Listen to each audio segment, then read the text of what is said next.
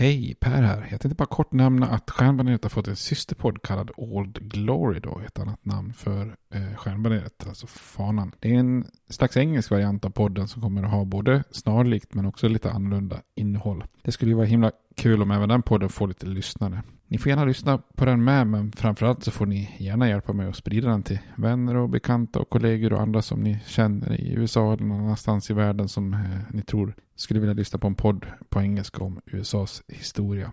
Tack, det var bara det jag ville säga. Nu kommer avsnittet. Hej då! One size fits all seemed like a good idea for clothes Nice dress. Uh, it's a it's a t-shirt. until you tried it on. Same goes for your healthcare. That's why United Healthcare offers a variety of flexible, budget friendly coverage for medical, vision, dental, and more. So, whether you're between jobs, coming off a parent's plan, or even missed open enrollment, you can find the plan that fits you best. Find out more about United Healthcare coverage at uh1.com. That's uh1.com. Mother's Day is around the corner. Find the perfect gift for the mom in your life with a stunning piece of jewelry from Blue Nile. From timeless pearls to dazzling gemstones, Blue Nile has something she'll adore. Need it fast? Most items can ship overnight. Plus, enjoy guaranteed free shipping and returns. Don't miss our special Mother's Day deals. Save big on the season's most beautiful trends. For a limited time, get up to 50% off by going to BlueNile.com. That's BlueNile.com. There's never been a faster or easier way to start your weight loss journey than with PlushCare. PlushCare accepts most insurance plans and gives you online access to board-certified physicians who can prescribe FDA-approved weight loss medications like Wigovi and Zepbound for those who qualify. Take charge of your health and speak with a board-certified physician about a weight loss plan that's right for you. Get started today at plushcare.com slash weight loss. That's plushcare.com slash weight loss. plushcare.com slash weight loss. En podcast om USAs historia.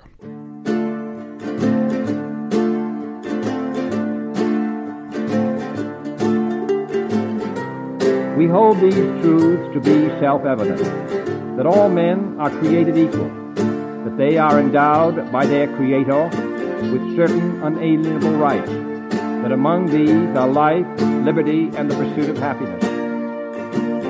Now we are engaged in a great civil war, testing that government of the people, by the people, for the people, shall not perish from the earth. And so, my fellow Americans, ask not what your country can do for you, ask what you can do for your country. I have a dream. My four little children in a nation where they will not be judged by the color of their skin, but by the content of their character. Mr. Gorbachev, tear down this wall. I did not have sexual relations with that woman, Miss Lewinsky.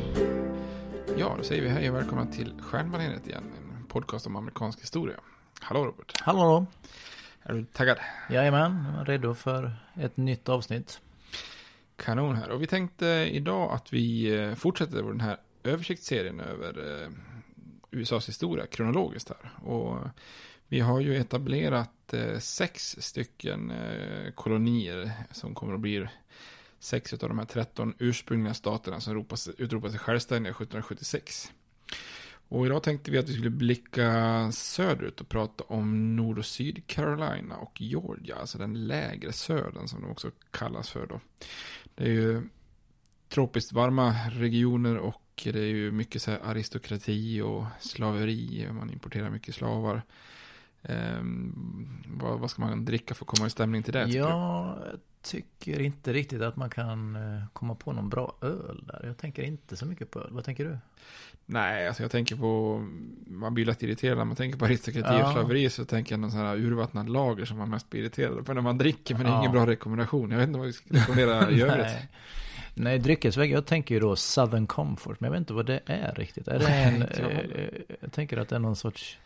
Whisky? Ja, det är sprit. Ja, sprit. Ja. Ja. okej, ja. ja, det kan jag inte säga att det har slink, Nej, slinkit ner för mycket. Men... Nej, inte för mig heller. Men du får nog lämna det vid det. Att Ja, det blir någon... Det var någon som frågade om man kunde dricka vin till vår podcast. Och då, ja, man kan dricka i princip vad man vill. Det får gärna vara alkoholfritt Ja, och sånt alkoholfritt också. går jättebra. Men, eh, men om vi ändå ska rekommendera alkoholfritt så rekommenderar vi ju alkoholfri öl. Ja. Ja, självklart. Givetvis. Men vart var vi då senast när vi slutade? Ja, vi hade ju på något vis här om vi är runt 650 så hade vi ju etablerat två regioner med kolonier. Dels då eh, Chesapeake, alltså Virginia Maryland som vi pratade om i ett avsnitt och sen då New England, eh, så fyra stycken framtida stater som vi pratade om i förra avsnittet då. Och det finns ungefär 22 000 kolonister i de här två regionerna vid den här tiden då. Och tittar man geografiskt och längst i söder på dagens fastlands USA så har vi ju eh, spanska Florida. Mm. Sen kommer den här regionen som vi ska prata om idag. Och sen kommer ju Virginia, Maryland. Och sen inklämt mellan eh, Eh, norr om Maryland eh, innan New England finns ju nya, Am- eller nya Nederländerna vid den här tiden. Sen kommer ju New England-regionen och sen så norr om den har vi då Frankrike i Kanada kan man säga då. Eh, men intresset för engelsk kolonisering i London och i England tar ju lite paus på grund av det engelska inbördeskriget. För är man mitt uppe i ett inbördeskrig på hemmaplan så, så har man kanske inte så mycket tid att bry sig om några små kolonier på andra sidan eh, havet. Nej, det här inbördeskriget då, vilket är det? Det är inte det som är Battle of the Roses eller Rosornas krig eller vad det heter? Nej, det är ju... Nej, det är tidigare va? Ja, det är tidigare. Ja. Det är ju två släkter som slåss Ja, där i det. Rosans krig och, och så vidare. Men sen det här eh, inbördeskriget, det är ju Oliver Cromwell, känner man igen. Mm, Ja. just det. Precis. Och det är ju, alltså bakgrunden är ju att Karl I, han vill ju styra mer, eh, mer som en enväldig monark. Vem hade inte velat det kan man säga. Eh, han upplöser i alla fall parlamentet och styr lite som han vill under 11 år. Och problemet är att han får väldigt svårt att finansiera sina projekt. För utan parlamentet så, så, eh, så kan han inte beskatta då. Och när han till slut sammankallar parlamentet igen 640 så är det många som är upprörda och det är lite upprorsstämning. Så att det leder ganska snabbt då till att man beväpnar sig i olika sidor och det blir inbördeskrig då. Så det inbördeskriget i England varar mellan 1642 och 1651 och det leder till att parlamentet och deras styrkor då, mycket puritaner som vi pratade om nere i Mm. New England då, eh, tar ju makten då under en puritan då, Oliver Cromwell. Eh, man besegrar kungen och sen så avrättar man då kung Karl den första. Okej. Så det är dramatiskt. Halshuggning då, tänker jag. Jag kommer faktiskt inte ihåg exakt vad det var, men det kan jag väl tänka mig att det Mm. borde ha varit en eh, halshuggning. Det var nog inte en injektions... Nej. Eller elektriska stolen kanske. Nej. Eh, men den republik som man etablerar i, i England då 1649, det blir ju kanske inte så många tänkt sig. För Cromwell han börjar styra ganska mycket med trupper och skapa någonting som han kallar för protektoratet. Och han själv kallar sig för Lord Protector på livstid och som egentligen bara blir ett fint ord för militärdiktatur. Um, och han är ju, han är ju precis som puritanerna i New England inte direkt jättelatch och han är ju faktiskt en sån som um, är känd för att han försökte avskaffa julen. Ja. Hur skulle det gå om du försökte Nej, det skulle den? inte vara så positivt eh, hemma. Det Nej, tror jag inte. Inte Man skulle fam- möta lite motstånd. Ja, ja, min familj skulle också eh, göra revolt skulle jag tippa på.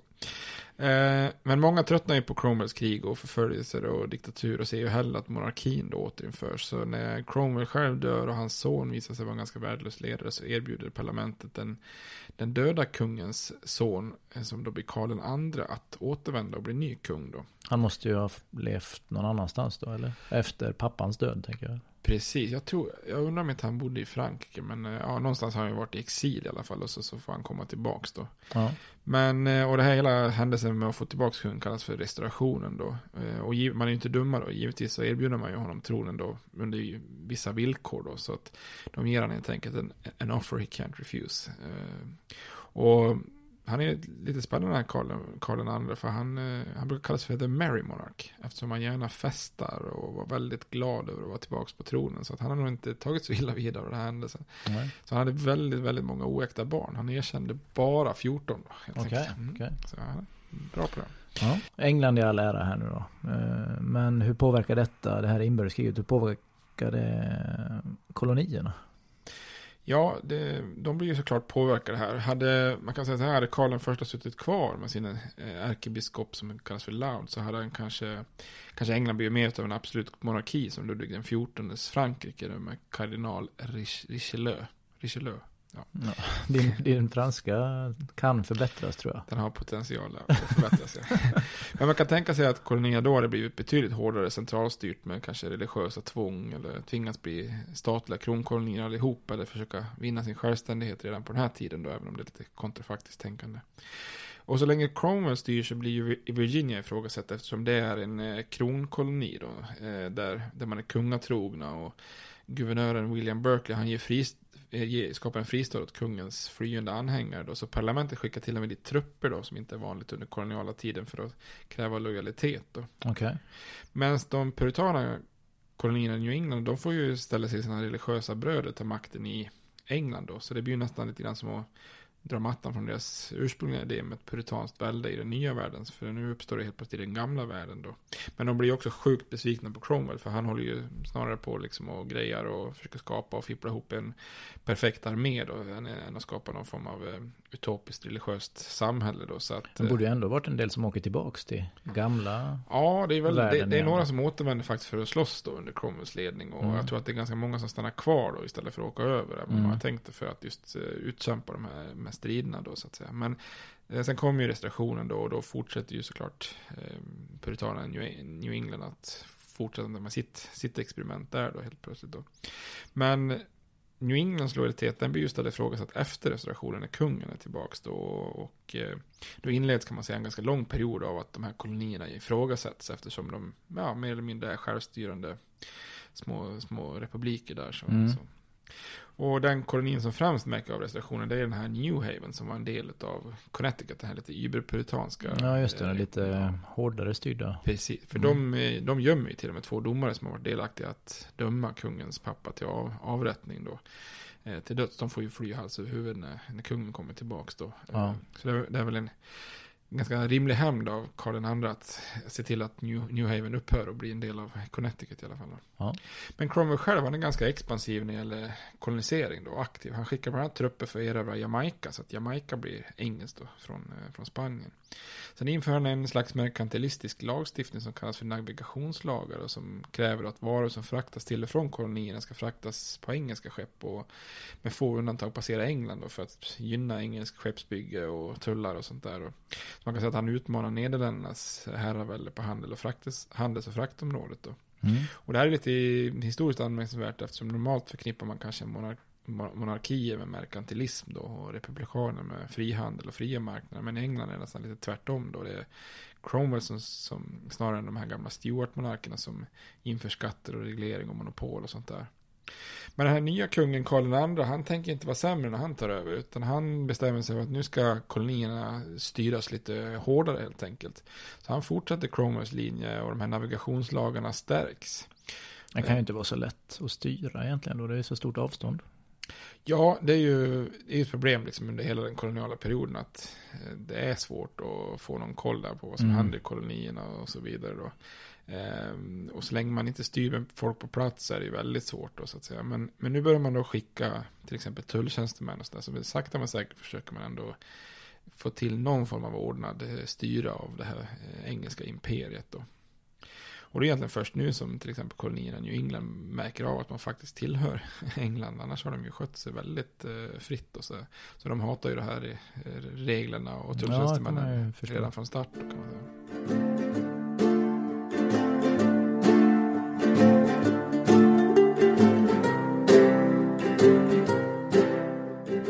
Kolonier här då. Vi skulle ju etablera, ja det som blir tre kolonier blir det väl då.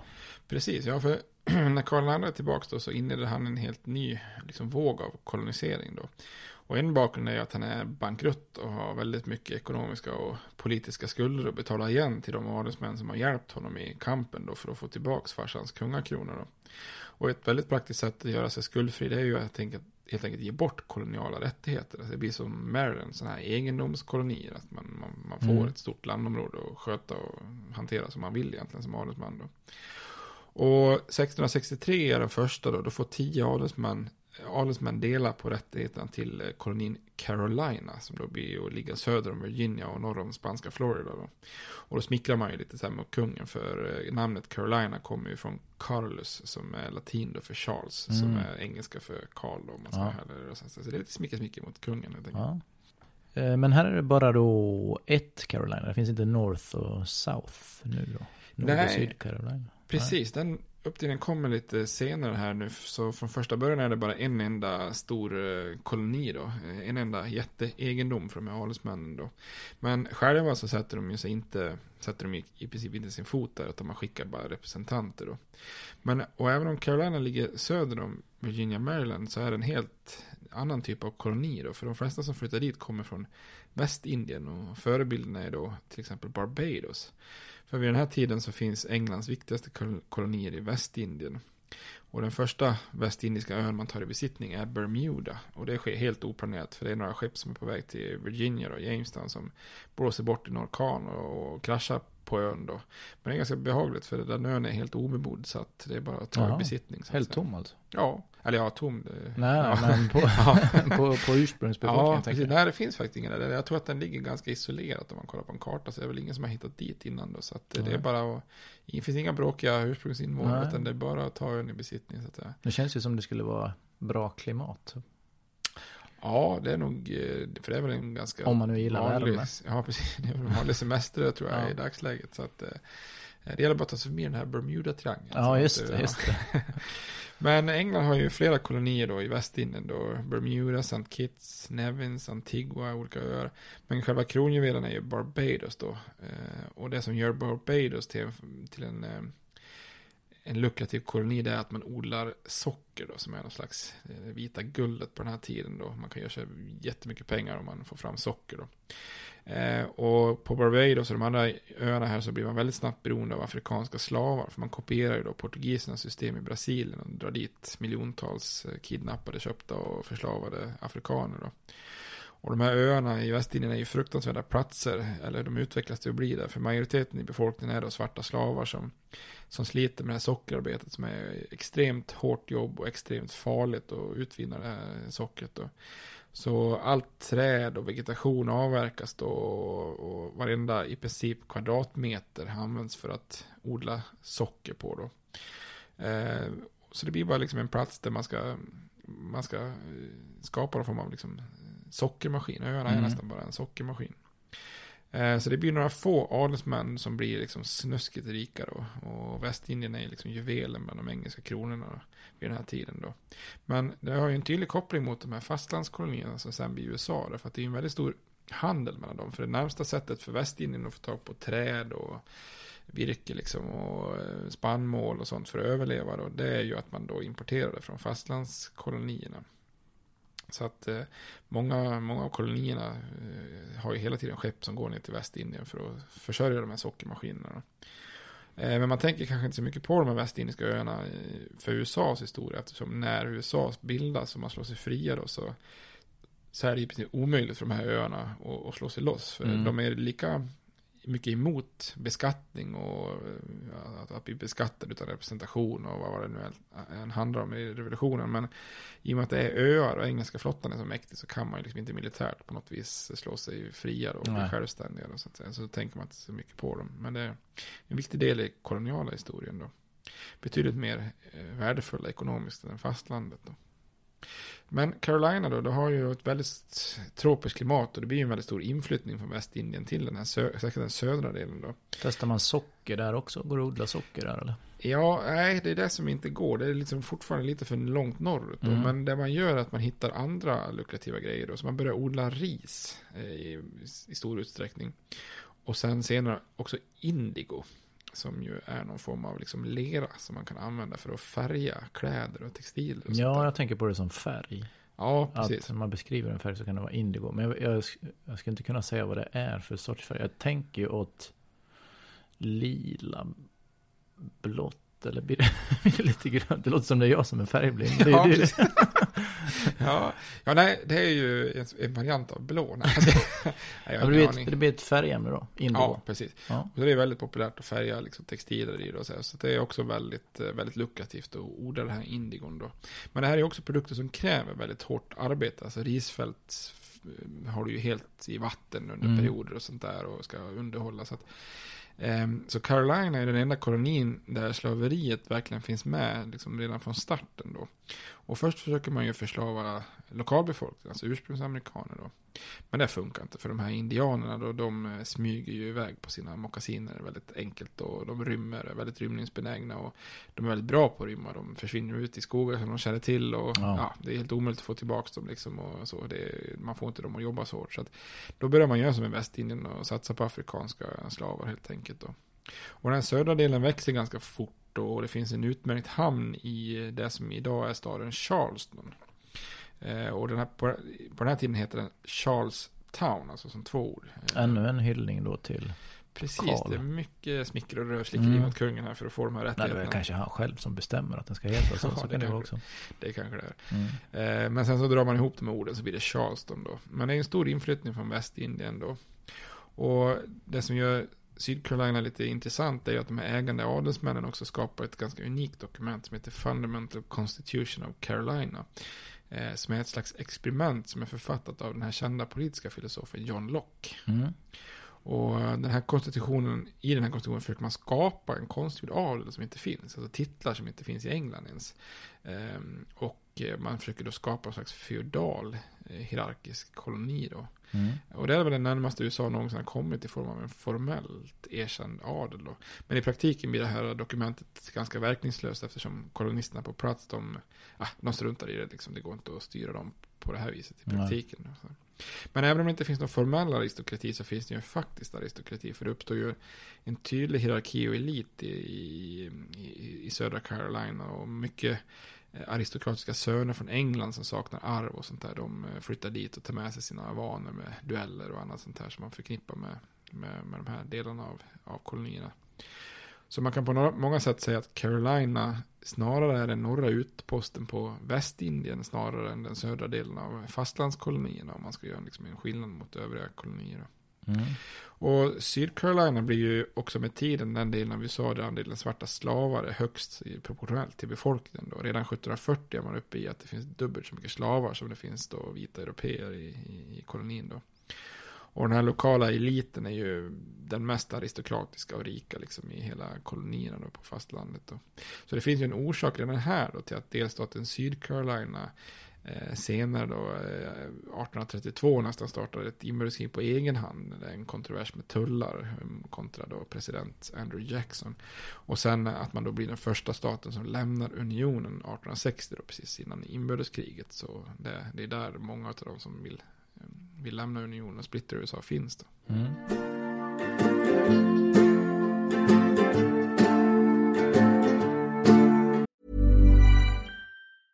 When you're ready to pop the question, the last thing you want to do is second guess the ring.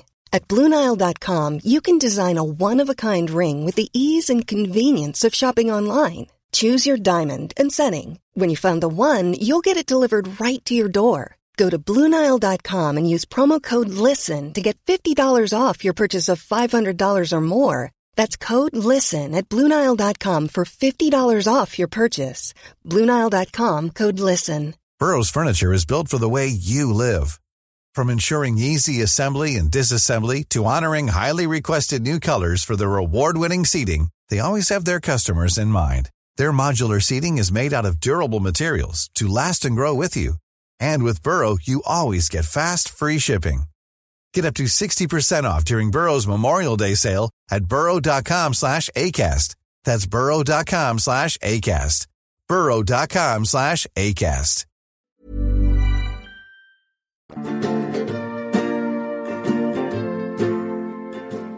Ser det likadant ut i norra? Nu nämnde du södra. Nej, den norra delen av Carolina, den, den blir ganska obefolkad. Och de som flyttar dit, det är mest eh, så här, fattigt folk som flyr från Virginia. Virginias atmos- atmosfär av lite större plantage då, tobaksplantage då. Så det blir ganska mycket små jordbruk och lite så mindre tobaksodling. Och, och sen så satsar man ganska mycket på trävaror och produkter till flottan också. Så där. Och Carolina har lite svårt, eller Nordcarolina har lite svårt att växa eftersom det finns inga naturliga hamnar. Utan det är så här förrädiska kuststräckor med sandbankar och grejer. Så man blir snarare en slags hemvist för pirater som lyckas manövrera in och ja, Okej. hänga där och gömma sina skatter och så vidare. Eh, vi kommer att prata mer om det i något kommande avsnitt då.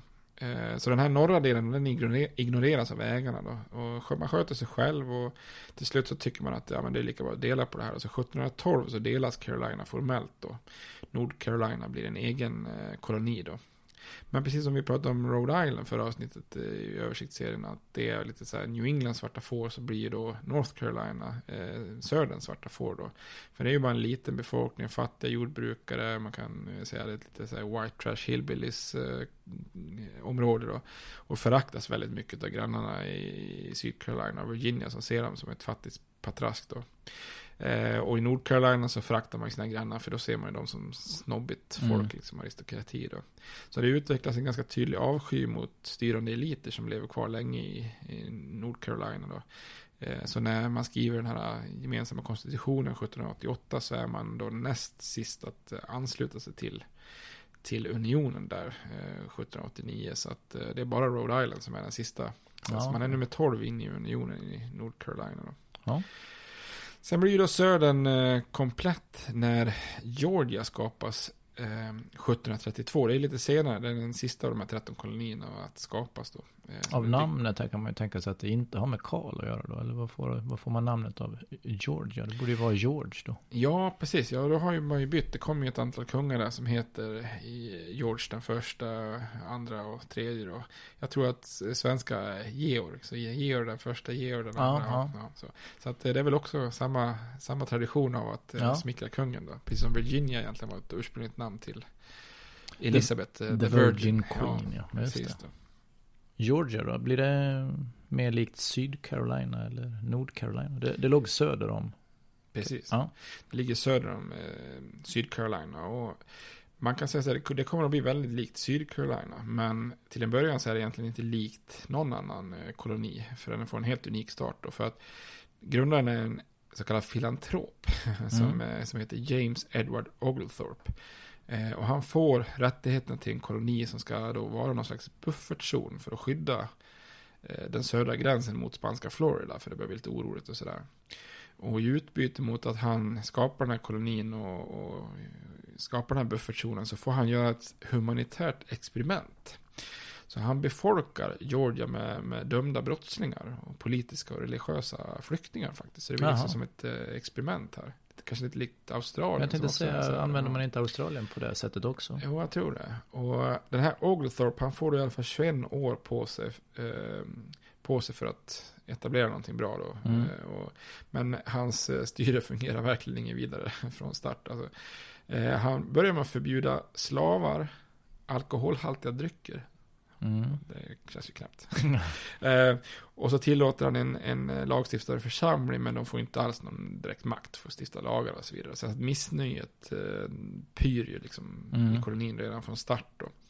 Eh, så att Georgia förvandlas till en sån kronkoloni ägd av staten redan långt innan tiden har löpt ut där. Eh, Okej. Redan 1751 då, så att eh, det, Ja, och då kan man säga Georgia är ju idag ganska stort och expansivt, liksom eh, en stor koloni. Men just i det här tillfället är det bara en liten plutt mellan Florida och Sydvirginia. Och det blir någon slags syd, eller så Sydcarolina, Sydvirginia, Sydcarolina, men Sydcar, det blir ett Sydcarolina i miniatyr egentligen kan man säga. Mm. Med slavar, plantage med ris och indigo-odlingar. Så att eh, det blir bara liksom nästan som en fortsättning där då. Och de här södra kolonierna då, de utvecklas ju till det där som vi tänker mycket på den här stolta södern med stora plantager, en elit av gentlemän och familjer som gifter sig med varandra, huller om buller och helt okej för kusiner att gifta sig och snobbig livsstil och ett samhälle som liksom helt domineras av eh, slaveriet då. Och det är också en region som där i söder som hindras av att expandera västerut. För det finns otroligt mäktiga indianstammar eh, i det här området, lite in, Okej. in i landet. Och Cherokee och Creek och vad de Jaha, heter. är det här de kommer? Precis, Cherokee, är inte det en låt med eh, Europe? Jo. Cherokee, Jo. Ja, det ser man. Jag undrar vad de tänkte på. Jag, inte, jag, Nej, måste lyssna på låten. Ja, kanske jag har inte tänkt på Ja. det. Eh, Så samtidigt, och samtidigt som Sydcarolina börjar växa då. och Många, Jeep Cherokee tänker jag också. Just det, just det. Det Ja. finns ju en bil. Ja, Ja. Det gör det. Eh, Men samtidigt som Sydcarolina börjar växa då med många afrikanska slavar så sker det liksom parallellt och samtidigt en övergång i Virginia och Maryland som vi pratade om innan, de här tobakskolonierna. För de börjar också då i allt högre grad sluta med de här vita kontraktsbundna tjänarna som vi pratade om innan och börja mer och mer gå över till afrikanska svarta slavar då. Så innan 1860-talet så är det inte alls speciellt mycket afrikanska slavar i Nordamerika.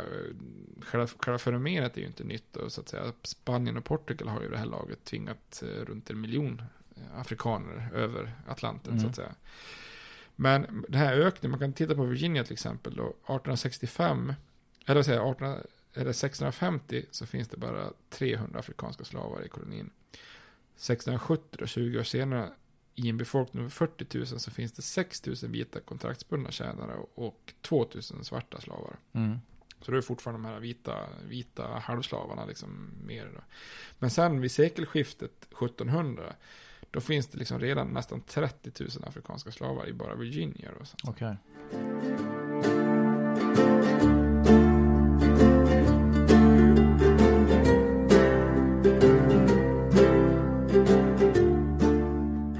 Slaveriet här då. Det skulle väl egentligen behöva ett helt, minst ett avsnitt för sig själv och bara gå igenom hela Verkligen. den biten. Verkligen, det kan vi komma in på, kanske något tema med afroamerikansk historia. Mm. Men vi kan väl ta lite kort om slaveriet nu då. Eftersom det är en så betydande del här av befolkningen i de här uh, kolonierna som vi har pratat om idag. Ja, nej, men det kan vi säga. Det, alltså slaveriet är ju på något vis den tragiska baksidan av, av koloniseringen eh, av Amerika. Och det skapar ju ett problem som man ser i USA, eh, som lever kvar, liksom, man ser spår av det än idag då. Um, och tittar man stort på hela Amerika, så inklusive spanska och portugisiska Amerika, så fr från 1492, om man räknar från Columbus upptäckt till 1820, så är det faktiskt fem gånger så många afrikanska slavar än europeiska kolonister som gör den här resan över Atlanten. Då fattar man ju vilket mm. spill i människoliv det är. liksom, uh, man kan säga att det är totalt runt 9 miljoner då, under den där perioden som förs från Afrika till Amerika. Då. Uh, till det nordamerikanska fastlandet så är det bara ungefär 4% av de här 9 miljonerna. Då. Och det brukar ju oftast kanske nämnas som liksom lite ursäktande i amerikanska eh, mm. eh, historieböcker. Att det var bara en bråkdel som kom till, till fastlandet. Men ja, jag vet inte, jag tycker inte det är, det är inte direkt en gångbar argumentation kan jag tycka. Så det, jag kan säga jag har visserligen stulit en bil, men samtidigt har det ju stulits nära 25 bilar i det här området. Så jag borde vara lite ursäktad. Ja, ja. ja, men det är i alla fall fruktansvärda förhållanden då. Eh, Alltså först kanske man blir fångad i ett krig då i Afrika, kidnappad av en annan stam. Eller. Sen ska man då från karga fängelsehålor på kusten då, eh, ska man då vidare i båtar, vilket ju är en helt omänsklig hantering då ombord på de här slavskeppen då. Där många dör på vägen över då. Sen ska man då komma fram till Amerika och acklimatisera sig i kolonierna då. Och tre fjärdedelar av alla som kommer dör ju första året på plats då. Och då är ändå många afrikaner mindre känsliga för till exempel malaria och så, så än, än europeer. Så mm. att de har egentligen en större chans att överleva det. Men ska man ha har du sen då tur och överlever och sen den fjärdedelen som överlever, ja då ska du leva ett liv i slaveri och extremt hårt och farligt arbete ända tills man dör på något vis. Då får du barn så är de också slavar resten av sitt liv då. Och det är så jävla cyniskt där, för man exper experimenterar ju till och med med vad som är den optimala packningen av slavar ombord på båtarna. Det brukar finnas sådana här bilder. De ja, ligger, de har sett teckningar. Precis, och då, då, experimenterar man med tät och gles packning då, mm. för att fundera på vilket är det optimala för att få så många överlevande som möjligt när man kommer fram då på något vis. Och det finns ju de som egentligen hävdar att det här är ju liksom ett slags konstgjort blir ju ett konstgjort biologiskt urval på något vis, eller ett slags genetiskt urval. Man brukar säga att ja men det gör ju att de som överlever slaveriet är ju väldigt god fysisk liksom, form så att mm. säga. Och man brukar säga det, inte, inte konstigt att sprinters är bra från Västindien och liksom USA och sådär. Men ja, det kan man väl, det vet jag inte hur, hur det liksom faktiskt vetenskapligt belagt och sånt där är då. Men det, ganska snabbt så uppstår det ju liksom legala skillnader mellan afrikanska slavar och de här europeiska tjänarna då. Eh, afrikanerna kan ju behandlas sämre eftersom de inte är kristna. Eh, och binder du det på ett kontrakt som, som europé då, så är det ju oftast för sju år. Medan eh, afrikanska slavarna, då är det ju livstid som gäller då. Och eh, får man barn så ärver man moderns status som slav då. Och slavar har ju absolut inga som helst rättigheter. De kan ju behandlas i princip hur som helst. Det finns egentligen ingen skillnad mellan slavar och kreatur i den bemärkelsen då. Och med tiden kommer ju slaveriet i de engelska fastlandskolonierna att växa även den naturliga vägen då. Att det, det är inte bara import utan att man även då reproducerar. Och det här kommer ju sen då i den amerikanska södern att lyfta fram som, en, som ett sånt där bevis på att nej, men det är ett bra humant system här. Annars Mm. skulle de ju inte, liksom inte kunna föröka sig, slavarna här. Så att, eh, det är också en sån här tveksam argumentation kan jag Ja. tycka. Eh, Så slaveriet i den här amerikanska södern, det är alltså väl etablerat innan ens USA har uppstått som nation då. Och mycket mindre då, eller än- ännu mer liksom långt innan själva inbördeskriget är på mitten av 1800-talet hur långt upp sträcker sig detta då? Når det också upp till New England det här? Ja, man kan säga att slavar existerar faktiskt också i de norra kolonierna då, men ekonomin och jordbruket där är inte på, på samma sätt beroende av slavar, vilket gör att man efter den amerikanska revolutionen och fri, eh, frihetskriget och självständighetsförklaringen då ganska snabbt avskaffar slaveriet i, i nordstaterna då. Eh, och trots att hela södern egentligen då är slavsamhällen så är det en ganska viktig skillnad mellan de här tobakskolonierna, Virginia och Maryland, jämfört med till exempel Syd-Carolina och Georgia då. För i den här övre södern så har slavarna liksom lite mer kontakt med sina ägarfamiljer och det finns fler så här småskaliga slavägare. Eh, och i den lägre södern då så äger varje plantageägare betydligt mycket fler slavar då i genomsnitt då. Och i Sydcarolina, Georgia, där är oftast familjen i sig har inte så mycket med själva plantagen att göra. Utan man, man vistas i Charleston vissa tider av året, liksom långt från sina plantage då, medan eh, slavarna hanteras av någon sån här hårdför förman då, Mm. overseer brukar det kallas då, många mil bort. Och ris och indigo är oftast odlingar som kräver mer hårt jobb då. Så vid tiden för revolutionen finns det ganska många röster som ifrågasätter slaveriet i Virginia och Maryland då, medan Sydcarolina och Georgia ser det som något som inte får ifrågasättas då. Men man ser heller ingen lösning i Virginia och Maryland, så att man, även om man ser problematiken med att säga att, att Mm. alla är födda jämlika så, så kommer man liksom inte på en lösning hur vi ska kunna avskaffa slaveriet. Nej. Så en sån som Thomas Jefferson symboliserar den paradoxen väldigt väl. Han pratar mycket om att slaveriet är egentligen farligt och han pratar mycket om frihet och så vidare. Men sen vi har det visat sig sen i efterhand att han, han, han, han eh, frigav ju ingen slav, men han Nej. dog i, i, i testamentet och han har ju också fått barn ihop med en slav. Så, att, eh, Ja. så ur vissa aspekter så kan man ju klumpa ihop fem av de här 13 blivande staterna i USA till södern då. Eh, Alltså slaveri och någon ekonomiskt lukrativ gröda. Eh, även om det finns skillnad mellan den övre och den lägre södern då så, så är det liksom ändå södern i stort. Och så har vi då Nordcarolina inklämt som ett litet svart får där mitt Mm. emellan de här två då. Så. Mm, men då har vi klarat av, då har vi etablerat eh, tre kolonier till här. Ja. Då har vi bara fyra kvar. Ja. Vad säger vi om dagens avsnitt? Har vi någon profil? Eh, Ja, jag tycker ju i alla fall hittills att det får vara någon av de engelska kungarna.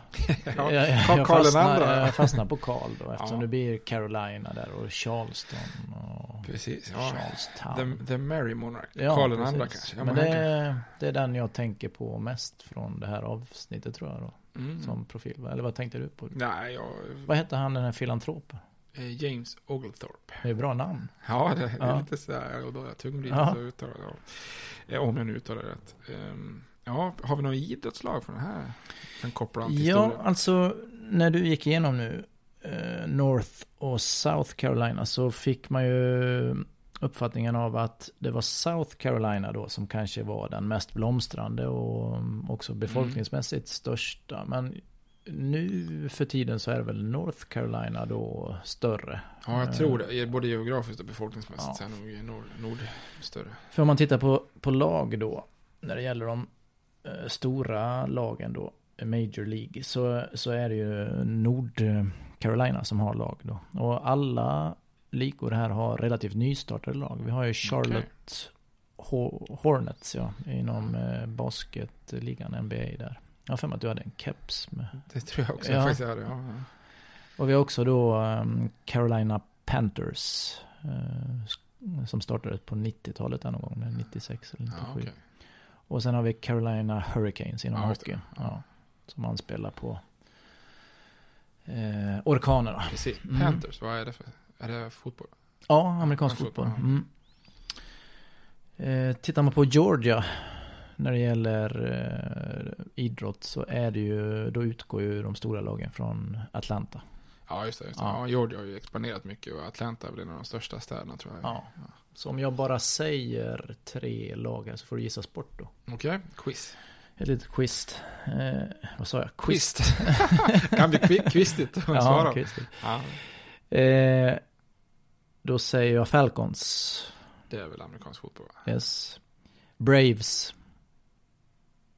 Oh, den var svårare. Jag har hört talas om. Kan det vara... Är det baseball? Ja. Ja, gött sett. Hawks. Hawks. Vad fasen är det där då?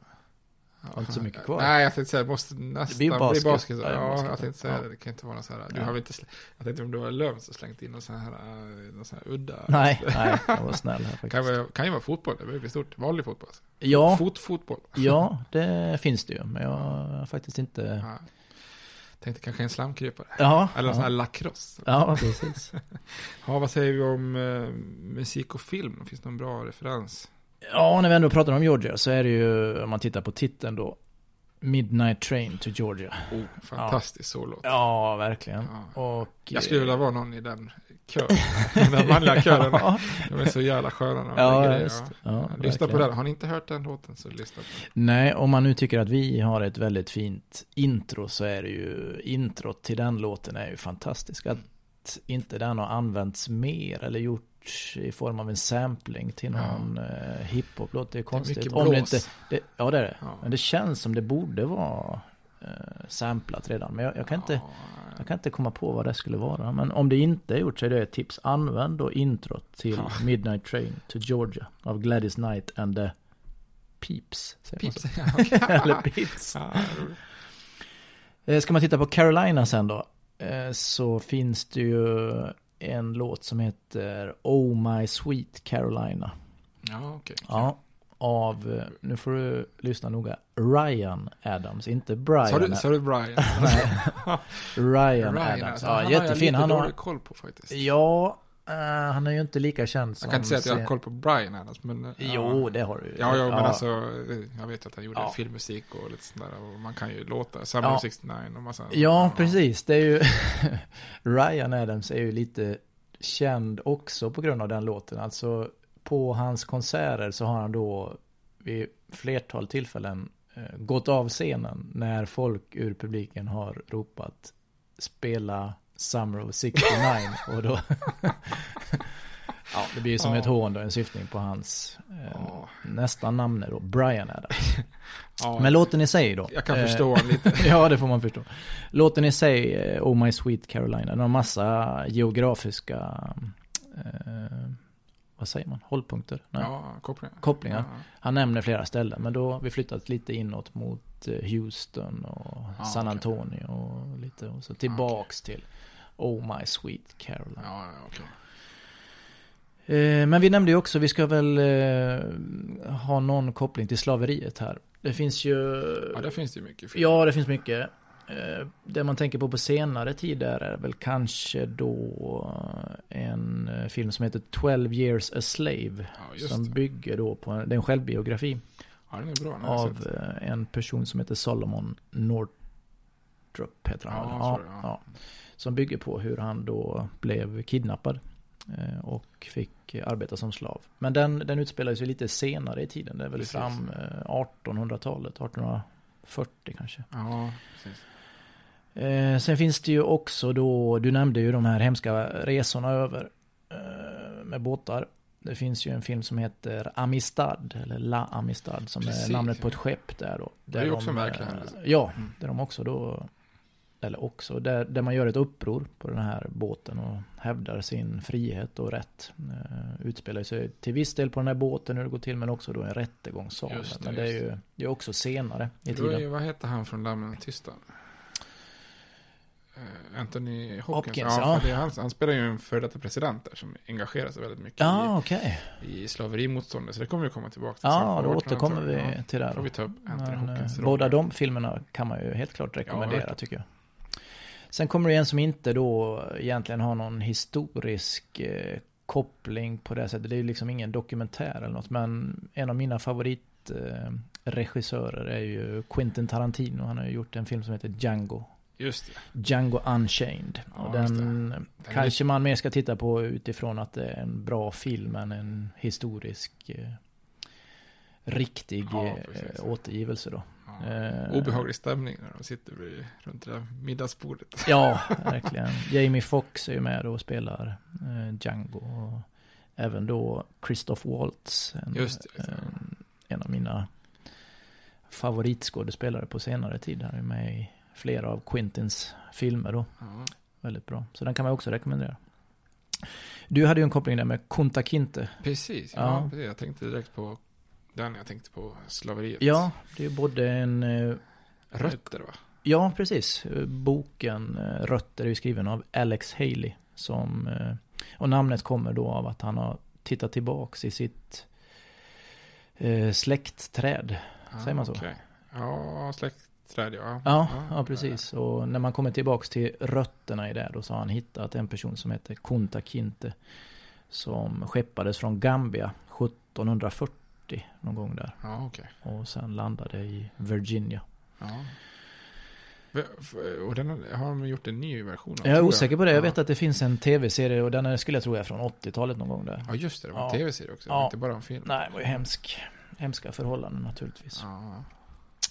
Men eh, som sagt, som vi sa tidigare så får man väl återkomma till, eh, jag skulle gärna titta på någon svartas historia, eller Precis. slaveriets historia. Lite göra. tydligare.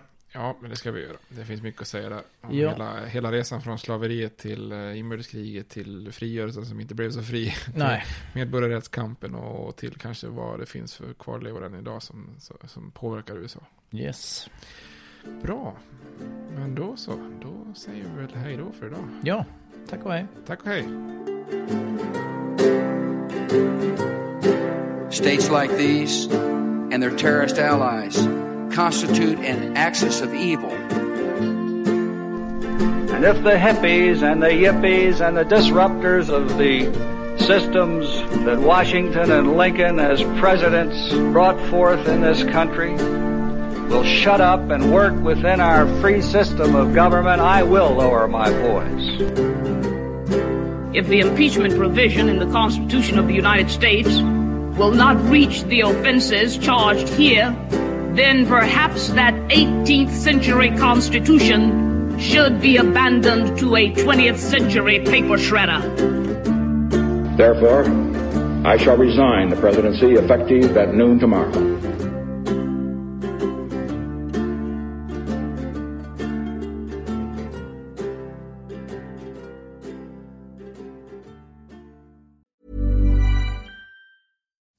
It's Danny Pellegrino from Everything Iconic.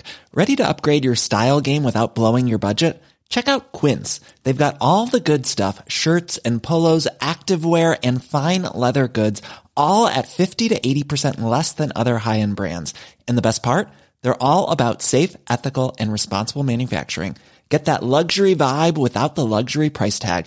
Hit up quince.com slash upgrade for free shipping and 365 day returns on your next order. That's quince.com slash upgrade. Hey, it's Paige DeSorbo from Giggly Squad. High quality fashion without the price tag. Say hello to Quince. I'm snagging high-end essentials like cozy cashmere sweaters, sleek leather jackets, fine jewelry, and so much more. With Quince being 50 to 80% less than similar brands. And they partner with factories that prioritize safe, ethical, and responsible manufacturing. I love that. Luxury quality within reach. Go to quince.com slash style to get free shipping and 365 day returns on your next order. Quince.com slash style.